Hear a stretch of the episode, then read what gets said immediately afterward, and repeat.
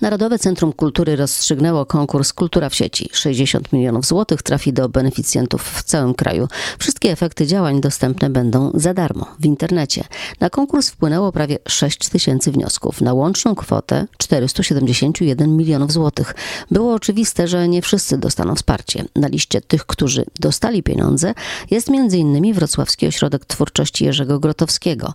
60 tysięcy złotych ma trafić na dwa projekty. Jeden to Teatr na Faktach, a drugi na działalność online Teatru ZAR. Posłuchajmy komentarza szefa Instytutu Jarosława Freta. Gdyby to była pomoc na, na miesiące 3-4, to można by ją uznać za adekwatną, bo to jest dosłownie taka skala.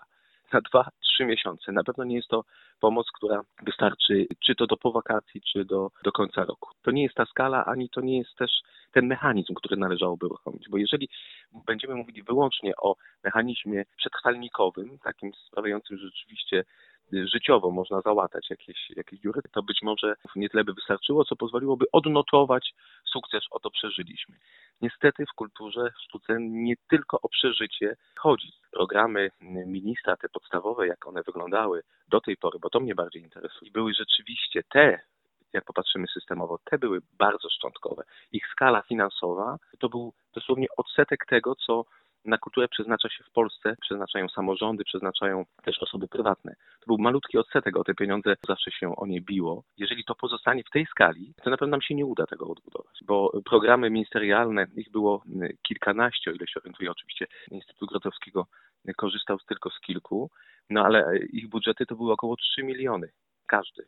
To naprawdę gdzieś byśmy powiedzieli, że to jest śmieszne. A z drugiej strony skala, ta, którą teraz mamy 80 w sumie milionów do uruchomienia, no to ona jest oczywiście pokaźna, ale to pokazuje, jak lichą perspektywę mieliśmy jak z lichej perspektywy wychodzimy.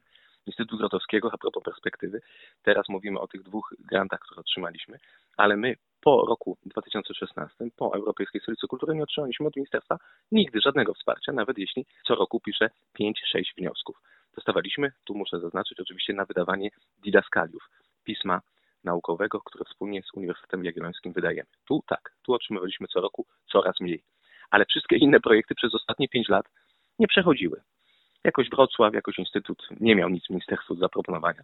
Teraz dostaliśmy przetwaranikowo. No, cieszymy się, natomiast to nie wystarczy. Mnie bardziej interesuje, jakie jaka skala i jakie przeformułowania w kierunkach związanych z rokiem 2021 czy 2022 mogły być zaproponowane dla artystów z bardzo takim sensownym podziałem, bo to jest też ważne, co się podnosi, także na y, te środowiska nieinstytucjonalne, środowiska NGO-sów, tak, y, fundacji, gdzie y, niedofinansowanie jest po prostu przeogromne. Tego typu sytuacja pandemiczna, gdyby trwała dłużej lub gdyby miała się powtórzyć, to rzeczywiście no, mogłaby rozłożyć na łopatki nurt, który nazywamy ofowym, alternatywnym, niezależnym. Odpowiada dyrektor Narodowego Centrum Kultury profesor Rafał Wiśniewski. Nasze działanie miało charakter wsparcie instytucjonalne, ale za instytucjami, jako mówię jako socjolog, to jest personel, to są ludzie, to są poszczególne osoby, które realizują różne zadania w, w instytucjach. Więc za jednym projektem, który my finansujemy, jest ileś różnych osób, które wykonuje działania. Od, y, nie chciałbym tutaj y,